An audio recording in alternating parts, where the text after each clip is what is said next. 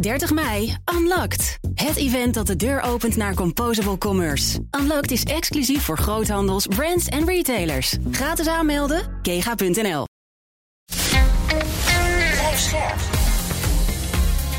BNR Nieuwsradio. Boekenstein en de Wijk. Mark Beekhuis. Welkom bij Boekenstein en de Wijk. Het is vandaag maandag, dag 481 van de Russische oorlog in Oekraïne. We gaan straks praten met Rob. Uh, weet je eigenlijk, Arend Jan, waar hij vandaag uithangt? Nee, dat weet ik niet. Nee, ik, heb, okay. ik heb het niet onder controle.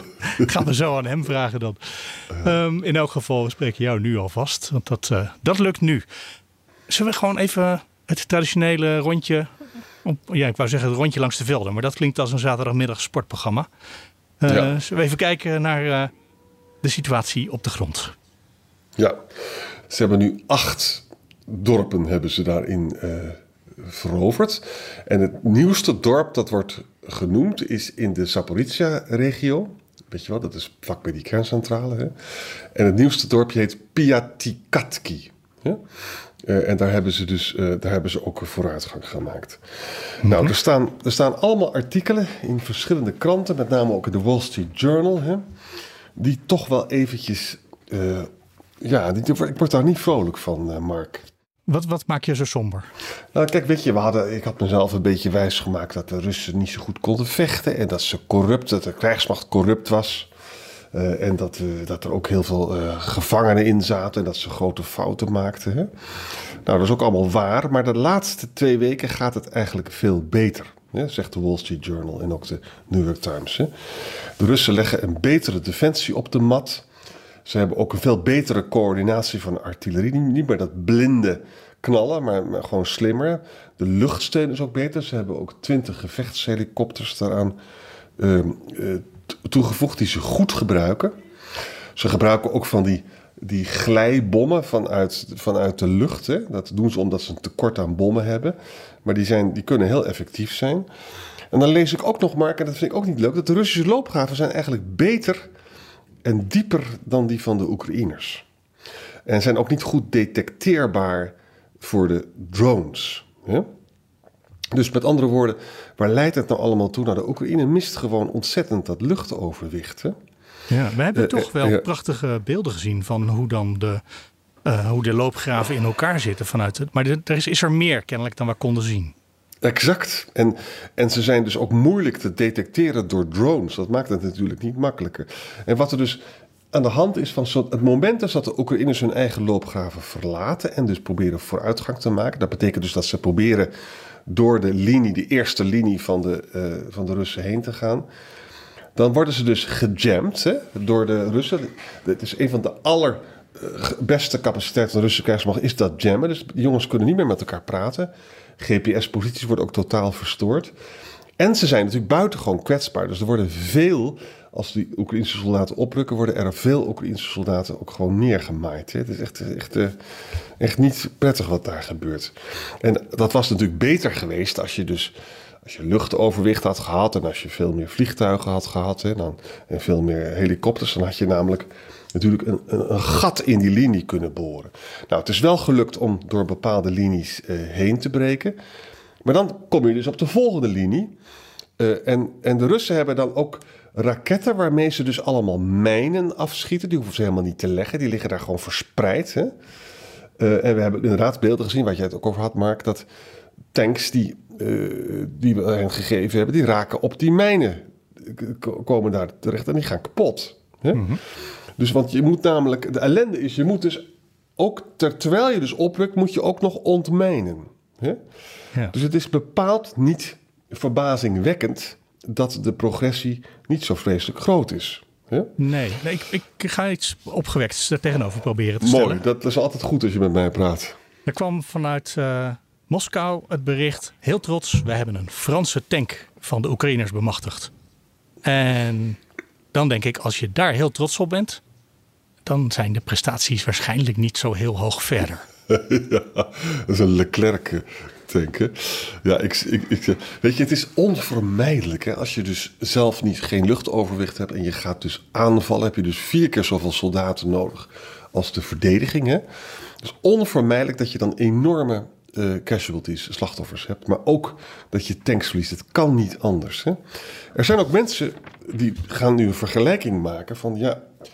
We zijn allemaal ontzettend bang dat dit gaat leiden op de slag om Kursk in 1943 tussen de Duitsers en de Russen. Noten benen in hetzelfde gebied. Hè? Wat gebeurde er? in herinneren, want die heb ik niet meer helemaal paraat hoor, 1943. Nou, ja, dus dat was in de Oekraïne. De Duitsers waren daar, hè? de grote nazi-krijgsmacht en ook de Russen. Maar toen hebben dus de Duitsers heel lang gewacht voordat ze de Russische krijgsmacht zouden aanvallen daar in de Donbass. En ze hebben te lang gewacht. En daardoor konden dus de Russen allemaal versterkingen aanvoeren. En het was de grootste tankslag uh, van de Tweede Wereldoorlog. En die hebben de Russen toen gewonnen. Dus met andere woorden, maar het is allemaal een, echt een somber praatje van sombermans weer. Ja. Van het, wij vinden dus dat de Russen eigenlijk heel goed de doctrine volgen en heel goed bezig zijn. We merken dus dat de Oekraïners ontzettend last hebben van dat gejam. Uh, en ook uh, van, van grote slachtoffers natuurlijk. Hè. Uh, en dat betekent dus dat het zou zomaar kunnen zijn. Maar je kunt het nu na twee weken nog niet zeggen hoor. Maar vooralsnog gaat het niet denderend. Hè?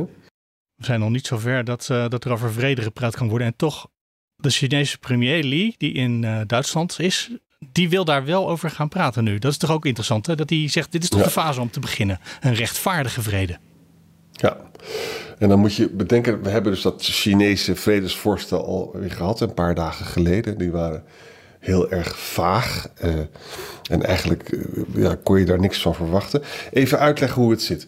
Wanneer kan er onderhandeld worden als beide partijen, dat wil zeggen Oekraïne en Rusland, daar behoefte aan hebben? En daar hebben ze alleen maar behoefte aan als ze beide militair geen voordeel meer zien te behalen. Hè? En, dan, ja. als ze dan, dus, en dan, dan zou het dus kunnen. Dat heeft op zichzelf genomen met vredesinitiatieven niet zoveel te maken, maar het heeft heel erg te maken met militaire uitputtingen. Nou, wat, waar China mee bezig is, China vindt dus dat de, het Westen de wereld lang genoeg geleid heeft en vindt niet dat het Rusland kan laten vallen, eh, omdat het samen met Rusland ook het Westen gewoon een toontje lager wil laten zingen. En ik vond uh, de, de waarschuwing van meneer Stoltenberg van de NAVO als antwoord op China ook een rechtvaardige vrede kan geen bevroren conflict zijn. En daar hebben we natuurlijk ook vaak over gehad in deze podcast. Dat ja. Rusland dat misschien wel een heel goed idee vindt. Ja, en waar we ook even over moeten praten is dat Blinken is sinds zondag in China. Oh ja. vind, je, vind je het goed als we daarover beginnen? Maar natuurlijk. Nou, dit is belangrijk, want uh, even de geschiedenis daarvan. Hè? Uh, weet je nog met die uh, spy balloon, hè, die spionageballon. En je weet nog de hysterie in, in Amerika. Al die republikeinen begonnen te schreeuwen: schiet dat ding neer, Biden is zwak en zo, weet je wel. Hmm. En de Chinezen zeggen: het is alleen maar een weervoorspellingsballon. Hè? En Biden ja, dat was ook dat, niet waar. Uh, ja, dat was ook niet waar. En Biden heeft het heel lang op zijn beloop gelaten. En op een gegeven moment is hij boven de oceaan is hij neergeschoten. Hè? Dat moest wel, want de, op de, de hysterie in Amerika werd op de tv echt helemaal dramatisch. Hè? En, en Blinken, Biden kan zich niet veroorloven om daar zwak te zijn. Nou, de afgelopen maanden, je zou kunnen zeggen de afgelopen twee jaar, is de relatie tussen Amerika en China alleen maar verslechterd. Het was ook al voor die spionageballon was het aan de gang. En het is heel duidelijk dat de Amerikanen zelf ook wel begrijpen van ja, dat kan zo niet doorgaan. Dit is hartstikke gevaarlijk. Want er is ook de, de communicatielijnen werk, lijken niet goed te werken. Hè? En dit is de eerste keer sinds 2018 dat dus de minister, eh, Amerikaanse minister van Buitenlandse Zaken eh, op bezoek is. Ja. Het is echt, het is wel ongelooflijk hoor. Het is gewoon vijf jaar. Hè?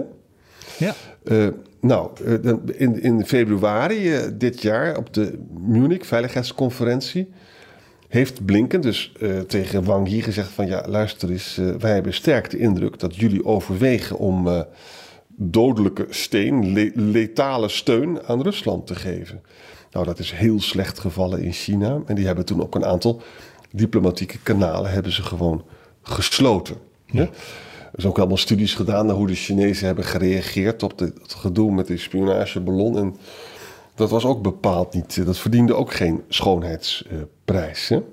Kijk, en laten we wel zijn, ideologisch zijn er nogal wat Amerikanen die spreken over de onvermijdelijkheid van oorlog tussen China en Amerika. Nou, dat wordt allemaal vertaald in het Chinees. Hè? En dat is niet erg uh, confidence building. Hè? En, ook in, en ook in China zelf zijn er mensen die ontzettende belligerente taal uitslaan. Hè? Dat is een mooi jargonwoord. Belligerent, oorlogszuchtig. Ja, ja oorlogszuchtig, ja. En, uh, en dat betekent dus dat het, uh, dat het verstandig is om te proberen nog weer een beetje toenadering te zoeken. Arend Jan, wij hebben Rob de Wijk helemaal niet nodig. Zo gaat het. Zo gaat ja. het. Hebben, hebben ik ga toch even iets... kijken waar die uithangt hoor, of ik hem kan vinden. Ja. Tot morgen dan met jou hè? Ja. Ik denk dat we contact hebben met uh, Rob de Wijk. Rob, ben je daar? Ja, ik wel. Ik zit uh, gewoon lekker thuis achter de computer om uh, jou te woord te staan. Helaas konden wij niet met z'n drieën tegelijkertijd praten, want Jan moest geloof ik college geven. Ik had weer wat anders te doen. Kortom, dat ging even niet. En nu kan het wel. Maar dat is goed. We hebben een stukje van de dag al doorgenomen. Ja. Zullen we met jou de rest van ja, het nieuws uit Oekraïne, de situatie daar bespreken? Ja, nou kijk, wat mij is opgevallen is dat het eigenlijk vanaf een, ja, een dag of twee geleden al begon te vertragen, met name in het zuiden. En dat is uh, rond Origiv. Uh, dat uh, ligt eigenlijk een beetje midden in die Zaporizhia-oblast. En daar vandaan moet naar beneden worden opgerukt in de richting van Tokmak. Nou, dat, daar, daar zijn dorpen veroverd. Volgens mij heeft Aantjan ook al gezegd dat er acht dorpen zijn veroverd. Een, ja. een kilometer vierkante kilometer of 60 is er, is er uh, terugveroverd op de Russen, maar het vertraagt op dit ogenblik. Je ziet eigenlijk overal dat langs dat hele front de opmars uh, trager wordt. Ehm, er wordt gevochten ehm, zeg maar helemaal in het oosten bij Kremina. Dan ga je wat naar het zuiden. Dan kom je bij Bakmoed uit. Daar wordt heel, heel hard gevochten. Dan kom je vervolgens uit op de grens tussen Donetsk en de Zaporizhia Oblast. Daar wordt ook hard gevochten. En dan zo net wat ik heb genoemd bij Origiv.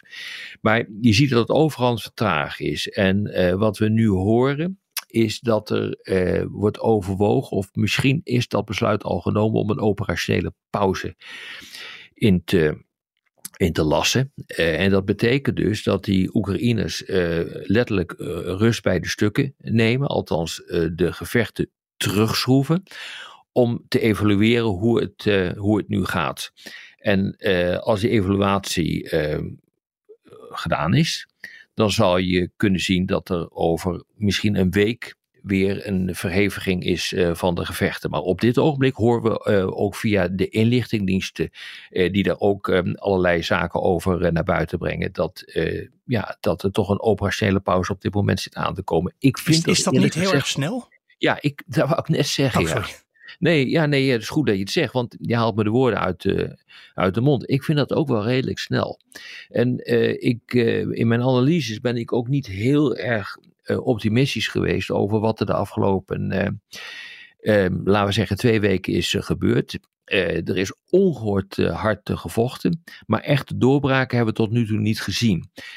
we zien wel dat de verliezen aan beide kanten erg groot zijn. Dat ook Oekraïne behoorlijk wat westers materieel is uh, verloren. Dus dat je nu een operationele pauze inlast, wat op zich niet vreemd is, dat moet duidelijk worden gezet, dat is niet vreemd. Uh, dat je dan vervolgens kijkt van oké, hoe staan we ervoor en hoe gaan we verder, dat is logisch, maar hm, ik vind het toch wel, ja, hoe zal ik het, uh, hoe zal ik het zeggen, toch een beetje verontrustend. Arend Jan zei net dat de Russen eigenlijk beter blijken te vechten dan we tot nu toe dachten, dat ze konden. Kijk, de Russen die vechten op dit ogenblik volgens het boekje. En uh, dat is echt iets anders dan de chaos waarin ze uh, een aantal maanden tot een aantal maanden geleden verkeerden. Maar nu vechten ze echt volgens het boekje. Het gaat, uh, de verdediging, die is echt wat anders dan het offensief waar Oekraïne op dit ogenblik mee bezig is. En voor Oekraïne, die hebben zich altijd verdedigd is een offensief weer iets, uh, iets anders. Dus beide partijen ja, die moeten dus ook zich positioneren in die strijd. Maar als je nu kijkt hoe die uh, Russen dat doen. En ik zeg nou, het gaat volgens het boekje. Dat is zo, de zogenaamde doctrine die ze toepassen. Zorgen ervoor dat uh, die Oekraïners worden opgevangen. In mijnenvelden, tankgrachten, allerlei andere versterkingen. Daar komen ze dan doorheen. Dan kom je op de tweede linie terecht. Die zorgt ervoor dat het gevecht uh, vertraagt. Uh, als ze daar nog een keer doorheen komen, dan uh, krijgen ze met, te maken met de derde linie. Die moeten ze dan uh, terugvechten. Dat doen ze, maar dan krijgen ze weer te maken met de mijnenvelden. waar ze doorheen zijn gegaan. kortom, dat is niet fijn. Voor de Oekraïners. En je ziet dus ook dat eigenlijk alles waarmee de Russen op dit ogenblik kunnen schieten, van artillerie tot en met tanks. Tanks worden eigenlijk ook ingezet als artilleriestukken op dit ogenblik. Maar ook drones en ga zo maar door. Wordt allemaal ingezet. Heel hoog eh, gehalte aan vuur. Uh, wordt, er, uh, wordt er uitgebracht. Dus echt attritie, zoals we dat noemen. Dus het, het, het, echt het slijten, het slopen van de tegenstander. Dat is wat we op dit ogenblik zien, is conform de Russische militaire doctrine. En doen ze redelijk competent. Zeggen ook, en dat is niet onbelangrijk, want dan zeggen ze dat zegt de wijk. Nee, dat zeggen ook de Oekraïners zelf. Is verdedigen misschien ook niet veel makkelijker dan aanvallen? Ja, dat eh, mag je absoluut eh, wel zeggen. En dan komt het aan op de kwaliteit die je hebt, de wijze waarop je doctrine toepast, het materieel dat je hebt. Nou, en, ook en misschien ook een verandering in je hoofd, dat je eerst dat je dingen anders moet aanpakken. Jazeker, het is echt een andere tak van sport. je, je moet echt het, de knoppen even omzetten om dit te kunnen doen. Maar er is nog wat anders. Uh, wat ik redelijk verontrustend uh, vind. Ik zag een groot stuk. Uh, ik, volgens mij was het in de New York Times die dat helemaal, heeft uitgezocht. Een goede kant wat dat betreft. Er is voor honderden miljoenen aan materieel geleverd aan Oekraïne dat niet deugt. Het komt overeen met signalen die ik eerder, kwam, eerder kreeg toen ik onder andere in, in Estland was. Toen werd dat ook gezegd. ook de Oekraïners die zeiden van we hebben veel te veel materieel staan wat we niet kunnen gebruiken. Uh, en dat, uh, dat is ondeugelijk. Het is eigenlijk, om het maar uh, heel huiselijk te zeggen, sommige leveranciers hebben troep geleverd. Er is een mooi voorbeeld van 33 howitzers die geleverd zouden worden door Italië. Uh, die zijn lang geleden uit de relatie gehouden. Oekraïne wilde ze toch uh, hebben, die houwitsers. Dat kan me voorstellen, want je komt tekort. Hebben aan een Amerikaans bedrijf uh, gevraagd om die dingen op te kalefateren. Ze zijn geleverd, maar een aantal daarvan is gewoon niet inzetbaar. En dat is maar één van de vele voorbeelden die, die, er is. Dus heel veel van dat materieel, nou ja, we weten ook niet wat heel veel is, maar toch wel eigenlijk verontrustend veel van dat materieel, dat, dat is ondeugelijk uh, of kan nog niet worden ingezet. Zullen we even naar uh, China gaan? Want dat is iets wat de laatste dagen ook. Of zullen we het eerst hebben over krijgsgevangenen? Want dat is ook nog wat speelt. Ja, die krijgsgevangenen, dat is dan toch wel weer, en dat is wel weer een voordeel van, uh, uh, van Oekraïne. Uh, krijgsgevangenen nou, die worden geruild. Dat is iets uh, dat voortdurend doorgaat. Wat trouwens wel interessant is. omdat er dus daarmee ook contacten zijn tussen Oekraïne en Rusland. die, dat was er ook al met de graandeal. Het is dus niet zo dat die contacten er gewoon niet zijn. Die zijn er dus wel. Als over uitwisseling van krijgsgevangenen wordt gesproken of over uh, graandeals wordt gesproken, dan praat je ook over andere dingen, lijkt mij zo. Maar het interessante is uh, van wat er blijkt uit die uh, Oekraïners die zijn ehm, geïnterviewd vervolgens toen ze weer terugkeerden, is dat zij dus weer wisten te melden dat Russische soldaten die zich terugtrekken, uh, eigenlijk gewoon uh, onder schot worden gehouden door hun eigen superieuren en door uh, allerlei stormtroepers. die zeggen van oké, je mag je niet terugtrekken en als je terugtrekt dan schieten we je dood. En die maakten weer gebruik van laag moraal van, de, van de, de troepen. Het, het varieert dus kennelijk uh, van, uh, van front tot front. Ik heb vier van die fronten genoemd, maar het varieert kennelijk van front tot front hoe het, uh, hoe het moreel van de troepen erbij staat. Laten we dan inderdaad naar China gaan, waar ik ja. al bijna over begon. Want dat is, dat is toch ook interessant hoe we dat de laatste dagen ontwikkelt tussen Amerika Zeker. en China. Ja, absoluut. En uh, jullie hebben er al even over gesproken, uh, maar dat was uh, denk ik nog voordat Blinken, de minister van Buitenlandse Zaken, met Xi heeft gesproken. Dat vond ik echt interessant wat ik daarvan heb gezien. Het is een beetje good cop, bad cop, dat spel wordt gespeeld. Wang Yi, de topdiplomaat, die staat dus boven uh, Xingang, de minister van Buitenlandse Zaken in het Chinese systeem. Dus uh, de, de, de minister van Buitenlandse Zaken is eigenlijk een soort secretaris-generaal, een soort uitvoerder uh, van wat er op politiek niveau daarboven wordt besproken. En die topdiplomaat Wang, Wang Yi is eigenlijk de grote baas na Xi. Die Wang Yi die ging behoorlijk tekeer. Eh, die zei van het is aan jullie Amerikanen om eh, te kiezen. Ga je door met de confrontatie of ga je samenwerken? En als je confrontatie wil, eh, mijn woorden, dan krijg je confrontatie. En als er samenwerking komt, dan komt de samenwerking. Ehm, Blinken die is toch wel uit op een vorm van verzoening. En dat bleek ook uit uh, de woorden die Xi uh, sprak. Xi die zei van oké, ik heb uh, toch een positief gevoel. Er is vooruitgang geboekt. Hè. Er is kennelijk in verschillende comité's ook van Amerikanen en Chinezen is er gesproken. En daar is kennelijk enige vooruitgang geboekt. Is ook wel nodig hoor, want diplomatie lag bijna op zijn gat uh, tussen uh, China en de Verenigde Staten. En het is wel erg belangrijk als je te maken hebt met een situatie in Taiwan die onzeker is, dat je echt probeert om toch vorderingen te maken op de diplomatieke vlak. Om ervoor te zorgen dat, ja, dat er toch een werkbare relatie ligt. Nou, dat schijnt nu toch door te worden gezien dat dat tot de mogelijkheden behoort. Dus ik, ik vind dat positief.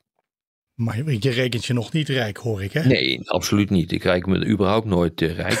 nee, maar er is, er, is, er is wel iets aan het veranderen. Uh, dus uh, als je kijkt wat er de afgelopen weken ook is gebeurd met betrekking tot Amerika, Zuid-Korea en Taiwan, die worden nu toch toegestaan om bepaalde halfgeleiders te exporteren naar China die met Amerikaanse tooling is gemaakt. Dat is op zich belangrijk. Dit is een heel mooi voorzetje voor een opname die we morgen gaan maken, denk ik. Want Arend Jan die wilde het heel graag hebben over een artikel van Neil Ferguson over de leidende positie van Amerika in de wereld en wat de bondgenoten daarvan denken. En de economische belangen van Europa speelt daar een belangrijke rol in, natuurlijk. Lijkt me goed om dat morgen te doen. Gaan we doen. Tot morgen. Tot morgen dan. 30 mei, Unlocked. Het event dat de deur opent naar Composable Commerce. Unlocked is exclusief voor groothandels, brands en retailers. Gratis aanmelden, kega.nl.